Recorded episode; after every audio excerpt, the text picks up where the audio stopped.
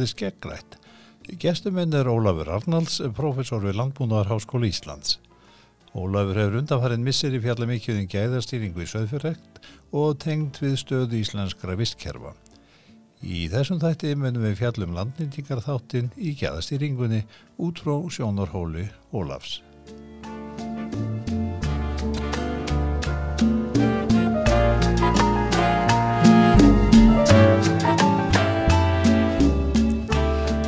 Staða íslenskra visskerfa og jarðvegseyðing er einn helsti umhverjusvandi lands og þjóðar.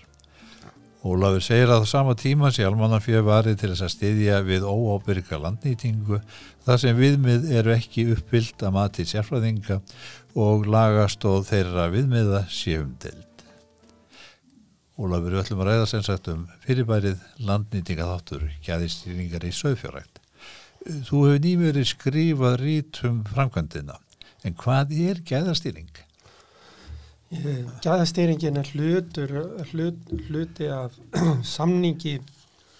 bænda við ríkisvaldið. Eh, eh, ríkisvaldið, þjóðin, styrkir bændur og styrkir framleyslu bændana og hluti þessa styrks er að háður skýlirðum sem að koma fram í þessari gæðastýringu og það lúta að ímsu í framleyslunni en það sem ég hef verið að, að fjallum þarna er eitt þáttur þessari gæðastýringar.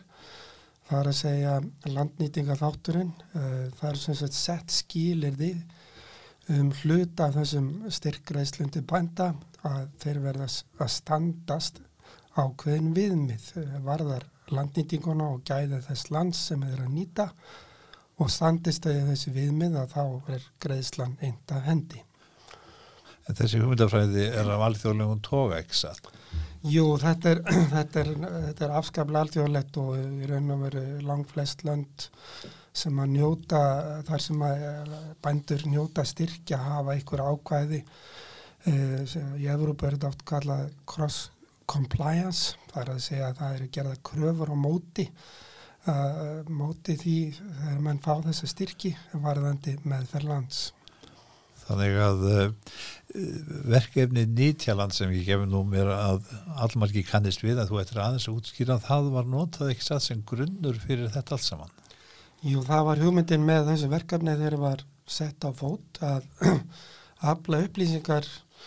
um góðalandi. Ég áður unni að því að afla upplýsingar um vandamálinn og jarðisrófið í landinu en við snýrum síðan alveg við blæðinu og fórum að, að afla upplýsinga um landgæði á jörðunum sjálfum. Og, og hugmyndi var að það lægi þá fyrir upplýsingar sem að væri hægt að, að meta hvort það væri nægilegt land fyrir hendi, nægilegt af góðu landi fyrir hendi fyrir þá nýtingu sem að fá fram á þessum bæjum. Og almennt líka bara að fá hugmynd um landgæði. Eh, í tengslu við landbúnað og aðra nýtingu út um all land. Og þetta var átt ára verkefni og, og sem að svona náði að klárast nokkurn veginn og, og það fól meðal hans líka í sér að, að afla upplýsinga um landamerki og annað gróflega, ekki sem lagarlega séð heldur, bara þannig að menn höfðu hugmyndir um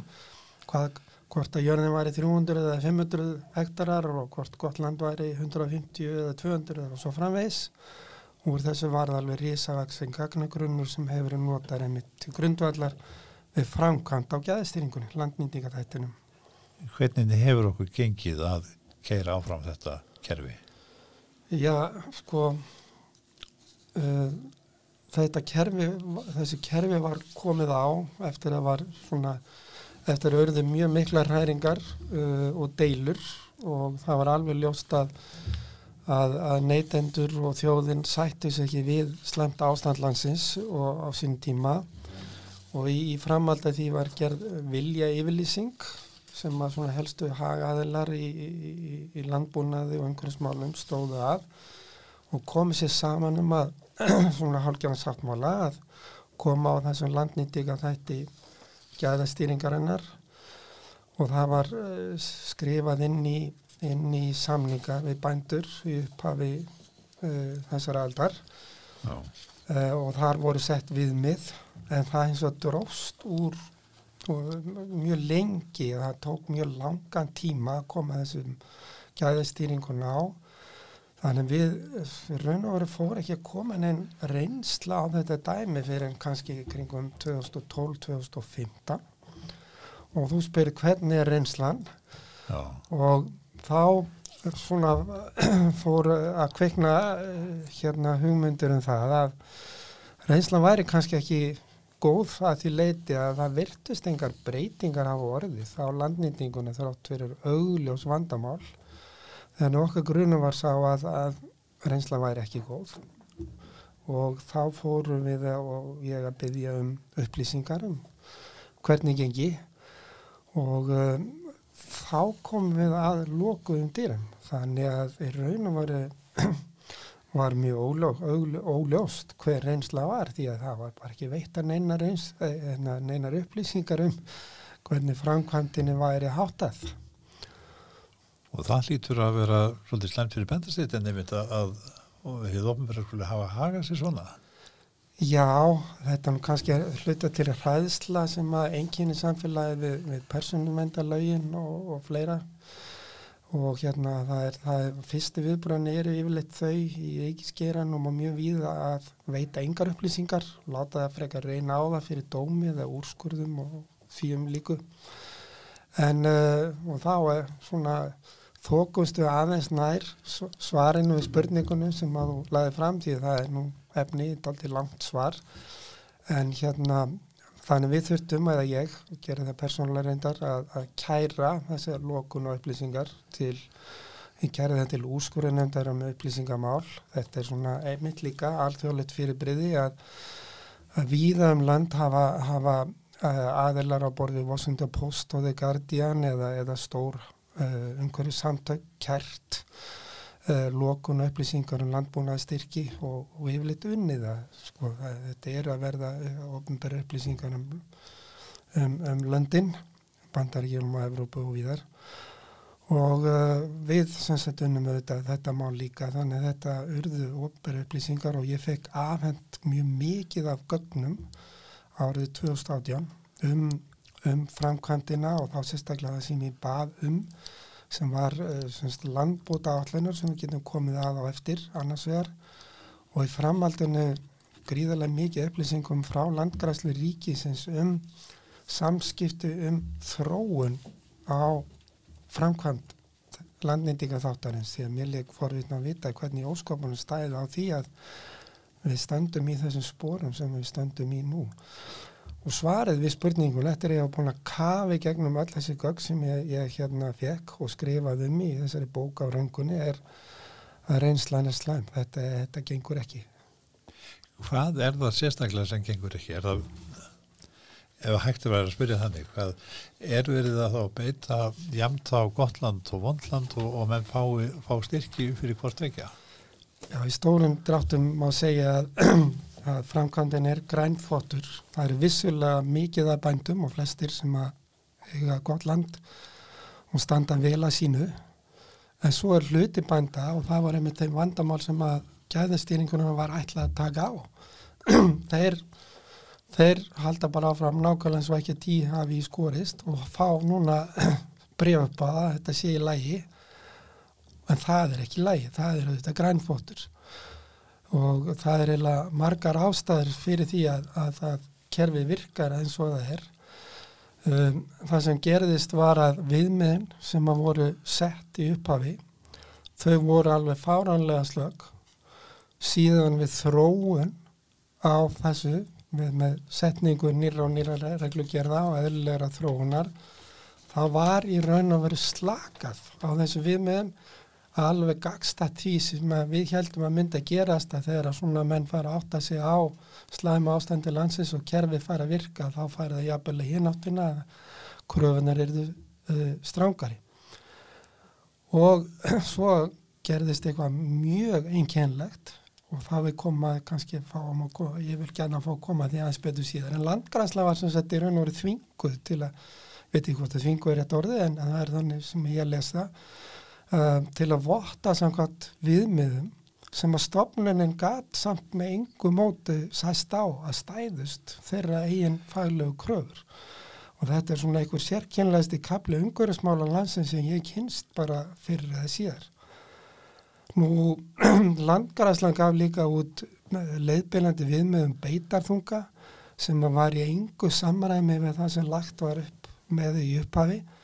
Þannig reyndin hefur svo að, að og það sína landbótu áallannar mjög vel sem að lagðar hafi verið fram það sem úrbóta er krafist að, að beitin er allt, allt, allt og þung og mjög mörgum afréttum og engu saman með við þau landgæði sem þar eru. Og um, síðan er náttúrulega sko horfið til þess að viðmiðin eru allt og slög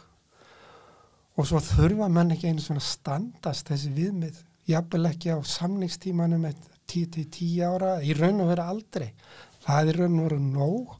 að það liggi fyrir þessar landbóta állanir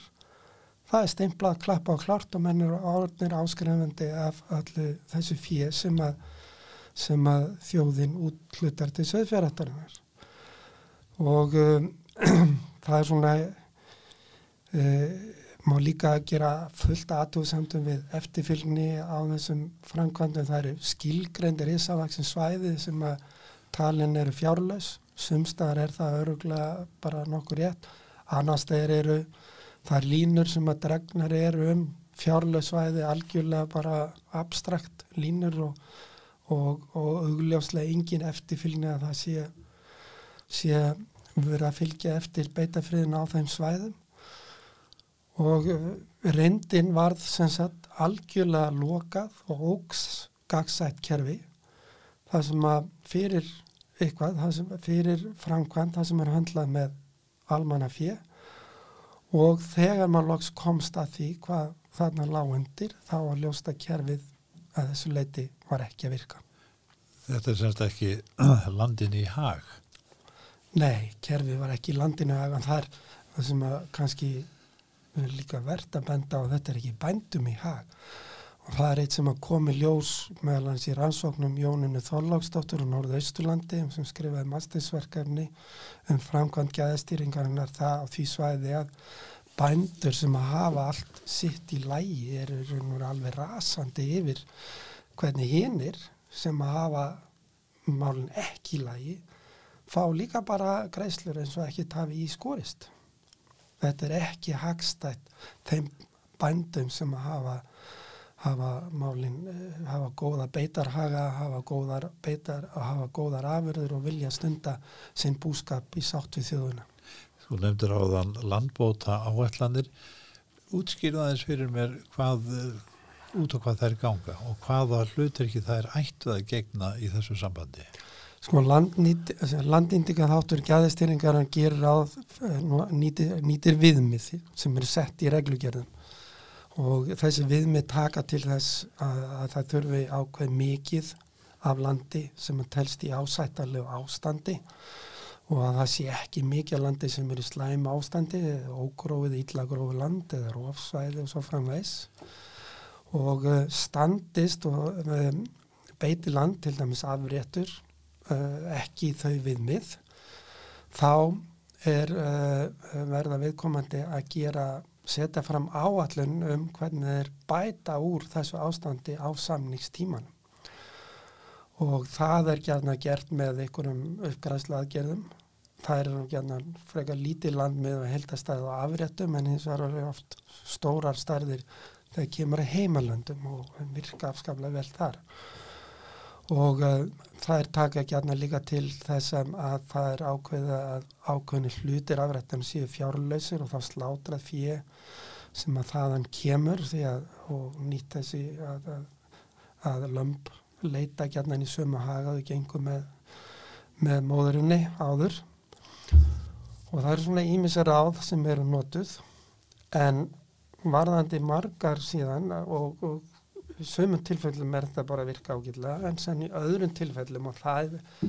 þessar landbóta áallan takar unnar bara til. Þetta eru, ég man ekki 30-40 landbóta áallan þetta eru þau svæði sem eru vestfærin á Íslandi að langflestu leiti og með mjög mörg þessi afréttasvæði þá er alveg ljóst að sko skýlir þeim sem settur í þessum viðmiðum í reglugerðum verður ekki náð á samningstímanum og verður í mörgu tilfellum með aldrei náð ekki á kannski á 100 árum eða 150 árum samt er fá þessi svæði vottun. Já þá er reynskinslega ég skilir þetta ekki. Þar sé að mér skulle fá vottun þá út á land sem er greinilega ekki í lægi og ég spyr þess vegna í framhaldið því hvort það skorti mikið á að nútímulega þekking á sviði beitarvistfræði sé nýtt í þessu sambandi Já, algjörlega. Og þetta var ansi lokaði ferill og það hverjir hafa haft aðkomi að kerfinu. Og það var horfið frá þeim viðmið sem voru sett í upphafi. Og um, síðan hefur verið hort mikið til hugtaksins sjálfbar landnýting. Og um, það sem að gerðist til þess að réttlæta þetta sem að þú skilur ekki og ég skil ekki og flestir skilja held ég alls ekki er að, að landbúnaður aðanetið ákveður að útbúa svona kokka upp svona heimatúlbúnu skilgreiningu á tólkun á þessu eða já, skilgreiningu eða tólkun á hugtækinu sjálfbar landnýting. Já, og það var það út af fyrir sig sko orðana hljóðan eins og þetta var eh, sko það sem ekki gangi á landsins gæði og því fer ekki aftur og allt það það hérna er svo sem í, í góðu lægi en, en tólkunan í framkvæmdinu eins og er alls ekki lægi og landgræðsla ríkisins uh, mótmælti hvernig þetta var framkvæmt taldi það í raun og veru algjörlega fráleitt að, að, að og mjög skýrt í brefum sem eru skjálfest, skjálfestum hætti að, að gera þetta með þessum hætti og uh, sko hugtækið þetta sjálfbarni er, er svona alþjóðlegt hugtæk, þetta er hugtæk en ekki, ekki endilega uh, allt og fastmótað heldur er svona leiðbenning en því fylgja samt margir aðrir mjög, mjög, mjög, mjög mikilvægi þættir sko sem að hérna eru koma fram meðalans í skilgrinningum fá á hérna á hugtækinu og hvernig það er nota í tengslu við landnýtingu og það er algjörlega skautað fram hjá öllum þessum atriðum í framkvæmdina á landnýtinga þættinum. við erum talað þá um að stjórnsíslan hafi bara reynlega ekki virkað Já, ég meina, já, það verður segjast eins og er og kannski sem dæmið það sem að fó, hérna staðfestir uh, þannskilning er að landgræslan, landgræsla ríkisins þá uh, skrifar formleg bref til umhverfisráðanitis þar sem þeir klárlega leita ásjár uh, umhverfisráðanisins og vilja fá hjálp til að að spórna við eða, eða komi veg fyrir uh, svona misnótkun á þessu hugtæki og að, að landnýtinga þáttur uh, gæðstýringar hann fari þessa braut en á þeim sama tíma þá gerist það að sami maður verður ráð þeirra landbúnaðara og umhverfismála fyrir svona fyrir röða tilviljunum. Og hérna Ég fæ ekki séð að, að það hefði komið neyn hjálp frá einhversraðunandi að þetta varðar. Og ég hef samt spurst fyrir um það, bæði formulega og óformulega og hérna þannig það, það varði ekki, þannig þetta var bara kyrt tölverður hörku inn í, inn í reglugerðina og einmitt á þessum tíma kringum 2015-16 og þá er, þá er jafnvel slakað á viðmiðum og, og hérna afleggingun þess að geta ekki náð við með verulega. Það má þú segja að landgræslan hafi verið þarna millir tvekja elda. Já, sko, það, það er, er algjörlega klárt og, og sumuleiti skilja landgræslan ekki hafa látið sér síðan hafa sér í það að halda áfram en en, en, en sumuleiti skilja þetta og þetta er náttúrulega bara hluti þetta er stofnum sem er hluti af stjórnsýslinu og verður að gera svolítið það sem að fyrir lagt af, af aðri stjórnvöldum en það má kannski líka þessu við það að, að, að það fer fram skrúðganga þar sem að keisarin er ekki er ekki í fötum og, og, og það koma hins vegar bara og það er kallað og það láti vita að keisarinn sé í engu fötum og þá kemur fyrir, þá kemur fyrir skipun frá, frá raðunettinu um það að keisari sé bara vist í fötum og svo heldur skrúgangan áfram og, og landgræslan kvittar undir. Nú snýst þetta allt saman þess að beitin ekki engungu afréttum. Það er í mörgum tilvíku þá er fjöreikið á löndi í engu bænda, til dæmis skóarbænda. Og þeir eru kannski ekki alltaf par hrifnir af þessum gestum sem að koma inn í skóginira. Er það svo að fjóregandi getur nýtt sér beitarhaga sem sannarlega er í eigu annara? Er það hægt nema nánast með skriflegri heimild viðkomandi eiganda? Eh, Það, þetta er náttúrulega óskapleg uh, flókimál og varðandi uh, uh, lausagangu búfjár sem er formfænst að hluta til í lögum um fjallskil og afréttamálefni og fleira sem er eiginlega svona afgamall lagabálkur sem er veru lítur þannig út að sé skrifaður utanum og lagfærður aftur og aftur og aftur utanum hag söðfjárbanda. Þetta er svona svolítið eins og þegar að kirkjan ákvaða að jörðin ætti að vera í miðunni og sólinn og reykistjörnum er að ganga í kringum og alltaf þurfti flóknar og flóknar í starfræði formúlur til þess að réttlæta það að jörðin var í miðunni. Og það er gætna vitnað í þessi lög og uh, þegar að voru sett skóraktalög núna að það síðast að þá var beðið um mikið um hérna aðtöðsendir við setningu þessar laga og þá skrifuðu óskafla margir skóarbændur meðal annars og fleiri aðtöðsendir við frumvarpið og það er einn allserjar sorgarsaga uh, um hvernig, hvernig málum er háttað í þessu landi. Menn eru svo réttlisir það, og e, það gerist þannig meðal annars að, að sko bóndi sem að neða landeigandi sem lendur í því að ágangi á fíu annara hún er berilega lögum samkvæmt að, að smala þessu fíu og afhenda bóndanum. Þetta er láta leikustæðar aftur í öldum en samt var þetta nú ekki svona þjóðaldistímana þá var réttur landeiganda meiri heldur en nú. Og uh, þetta er, þetta er sagt vel, vel þekkt og, og, og, og hérna og, og reynd út sagt afleitt en auðvitað á það verið gæðastýringu og þú getur ekki beitt á land annara og það skrifa menn og alls ekki held ég inn í gæðastýringu í langflestum tilfellum. Anna, annað dæmi er að, að, er, er að það er mjög stórt afréttaland í enga eigu eða opið svæði á Suðausturlandi sem að hluta til en nú er svona ætti vera eina þjóðgarðar, mikið mikla náttúruperlur að þar eru landeigundur sem er, er ekki með búskap lengur. Þeir ráða auðvitað ekki við fjallskíl á þessu svæði lengur. Og þá fá aðrir bændur að reka á það land gegn því að standa að fjallskilum. Og þarna er landgæðum á mjög viðkvæmi landi sem er að fæði mjög örri afturför fórnað á alltari þessara uh, hérna gamaldags og gjörsanlega úreldu laga og regla um fjallskil en ef við komum aftur að, að, að hérna sko uh, landnýtingarþættinum og hvort að menn hérna geti beitt á land annara að þá er það svo að, að menn beita á land annara og þeir, en þeir hafa kannski ekki endilega skrifað það inn í, inn í sína umsókn Nei. Og ykkur tilfelli eru hugsaðlega um það sem menn hafa skrifað land annara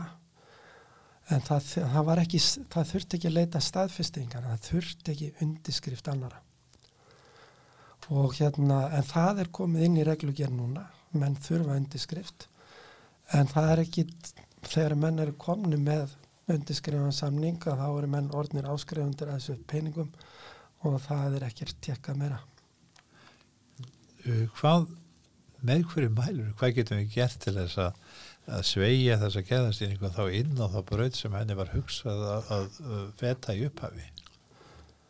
það, það er náttúrulega að fella þessar landbóta áallanir úr, úr gildi á grundvelda þess að þær standast ekki eðla stjórnsýslu framkvæmt. Það er alveg ljóst. Það er hins vegar í svona málum og hefur verið und- undanfanna áratöyu það er alltaf beðið eftir góð dó það er alltaf eitthvað nýtt sem á að koma. Það er aldrei hægt að nýta þá tekkingu og stöðu eins og hún er í dag. Það þarf alltaf að býða eftir einhverju. Nú er beðið eftir því að samkvæmt nýjum landgræslugum þá á að setja ný viðmið um, um, uh, um hérna sjálfbara landnýtingu. Já, en og það er einhverju leiti beðið eftir uh, verkefnu grólind en, en fyrir mér stendst þetta ekki eðla stjórnsýslu hætti þegar að ljóst er að þessi, þessi framkvæmt stendst ekki þá á að fella þess að landbúta allanum gildi og það þarf að gera þær upp og nýtt. En það er, er ekki það að þá er ég að fara að gera hérna bændur, hérna fella niður greiðslur um sögulegusti bænda við þetta. Þarf uh, framkvæmt af svona uh, hlutum að, að lúta eðlum stjórnsýsla háttum og, og gerast í áfengum en það þarf að hins vegar að gera uh, þjóðinu það ljóst að það standi ekki til að nýta þessi lönd lengur. Það þarf að setja tímapunkt á hvernig það er svo breyting verður og, og, og bara framkvæma. Já. Uh, meira því að þetta er, þetta er gríðilega flókið mál alls saman eins og segir sjálfur réttilega en uh, má segja að að uh, ríkið hafi ekki eða ráðinni hafi ekki unnið saman eins og það ætti að gera í þessu máli Ég, sko, ég ger mér enga grein fyrir hvernig svona mál ganga fyrir sig í stjórnsýslinu. Ég held að, að landbúnaði styrkir og framkvæmt á þessum hlutum eh, eins og öðrum kring og landbúnaði styrki hafa verið afskaplega gaggríni laus. Það hafa verið framlengtir landsamningar um, við bændur um, bara nánast sjálfkrafa það eru farið í samningagerð og allt af og það er skoðaði hlutir en sem dæmum síðasta síðastu samninga að þá eru þeir samþyktir af 19 þingmannum og við erum að tala kannski um 150 miljardar sko það, það er sko eftirfylgnin og, og aðhaldið virðist hafa verið afskaplega lítið og það sem meira er og ma maður sér það betur svona samskiptum við við þingmenn, þingnemndir að menn er ekkert að leggja í þann slag að reyna að botna í þessu og hvað þá að fara að veita þessu eitthvað, hvað staðhald. Þingsálottun sem var laðið fram á, á síðasta þingi um það og hún fekk, fekk einmitt á afgræslu frá nánast þingmannum allara flokkana nema einu með tveimur að menn ætlaði nú að geta að fara að taka neitt svona slag sko.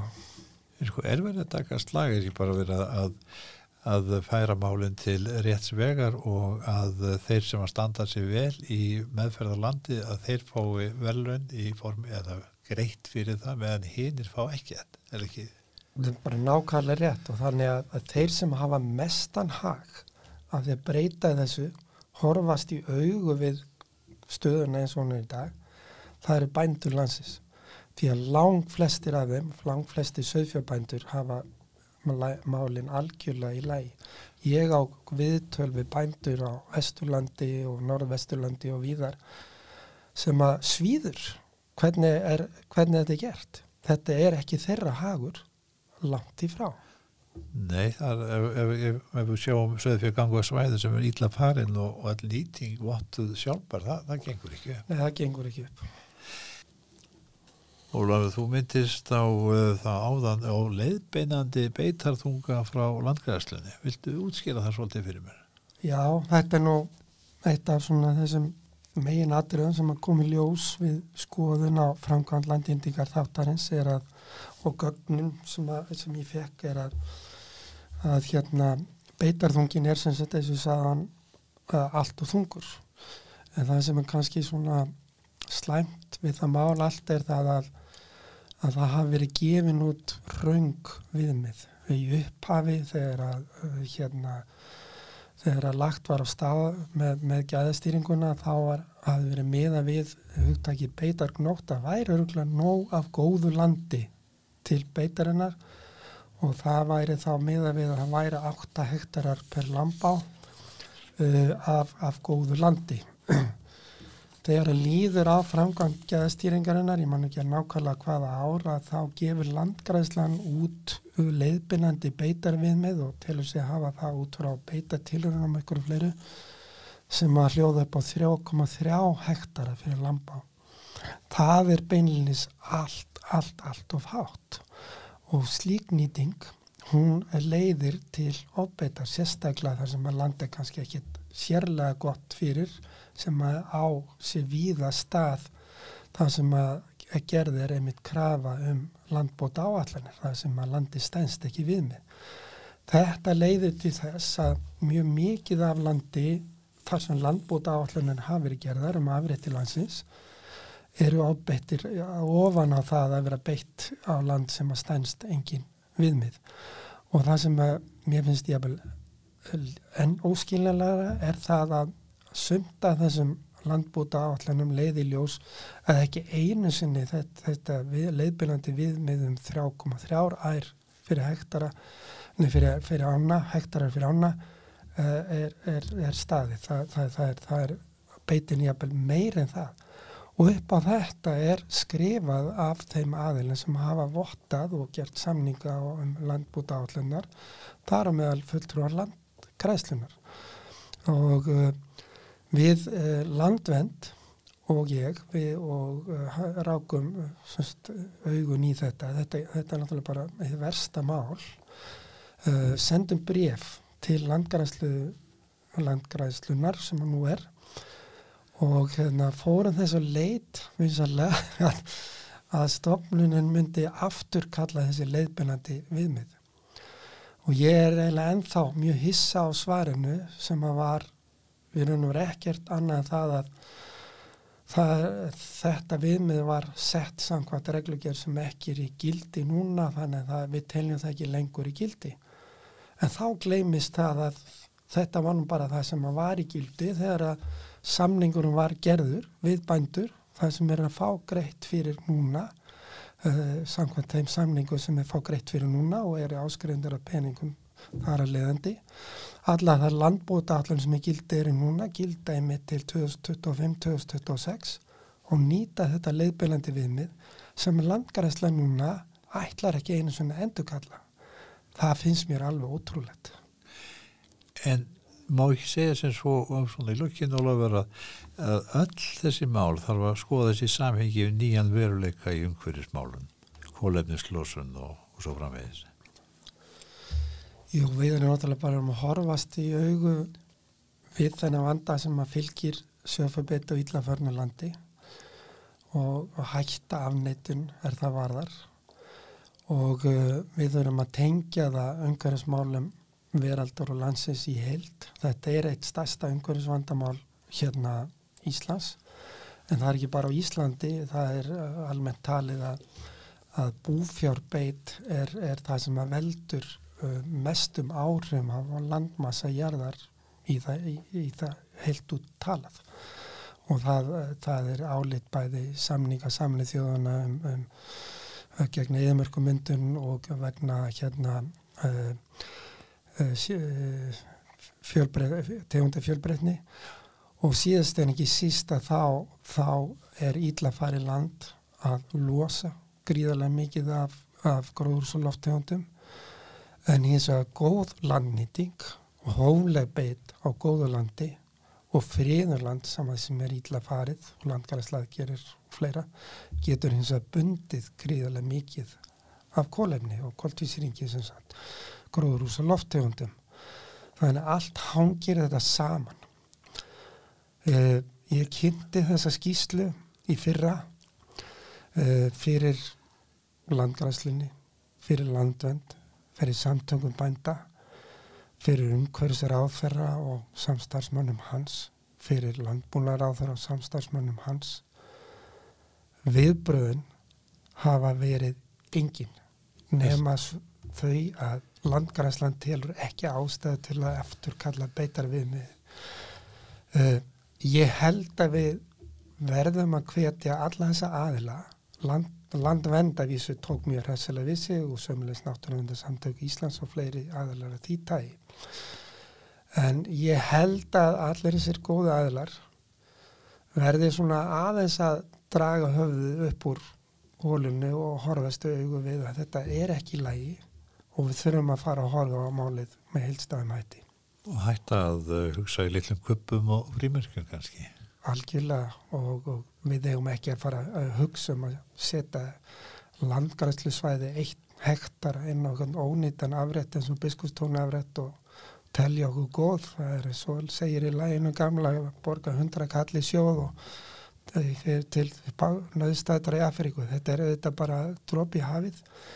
Svona afrætti verður að taka hildstætt. Það þarf að friða það heil lægi. Það þarf að gera að beita nýjum aðferðum, koma að byrkja aftur á þessu svæði með ódýrum hætti og um leið fara að binda kólumni í stórum stíl. Og þar er eitt að líkilætur um hætt að horfa á að það sé bara tveir hagaðilar sem að, sem að eiga fjallam landis og þessa afrétti, biskústofn afrétti eða einhvern annan eins og ég tek hans en dæmi því þar hafa menn verið afskaplega hávarir. Uh, þjóðin á þetta land og við erum hagaðilegnar þarna þarf að þurfa allir hinnir að koma allir hinnir í samfélaginu allir hinnir í nær samfélaginu garðirkjubændur, skóratamenn landgræslu fólk, skólanir sagfræðingar uh, og svo þjóðin öll. Uh, og þjóðin á að taka þetta land og skipa því með nýjum hætti. Þetta er ekki engar land söðframbanda þar. Ólafur Arnalds, ég þakka þið fyrir að koma í þáttinn Takk að þeirra leið mér að koma þessum við horfum á framfæri. Takk, Takk fyrir.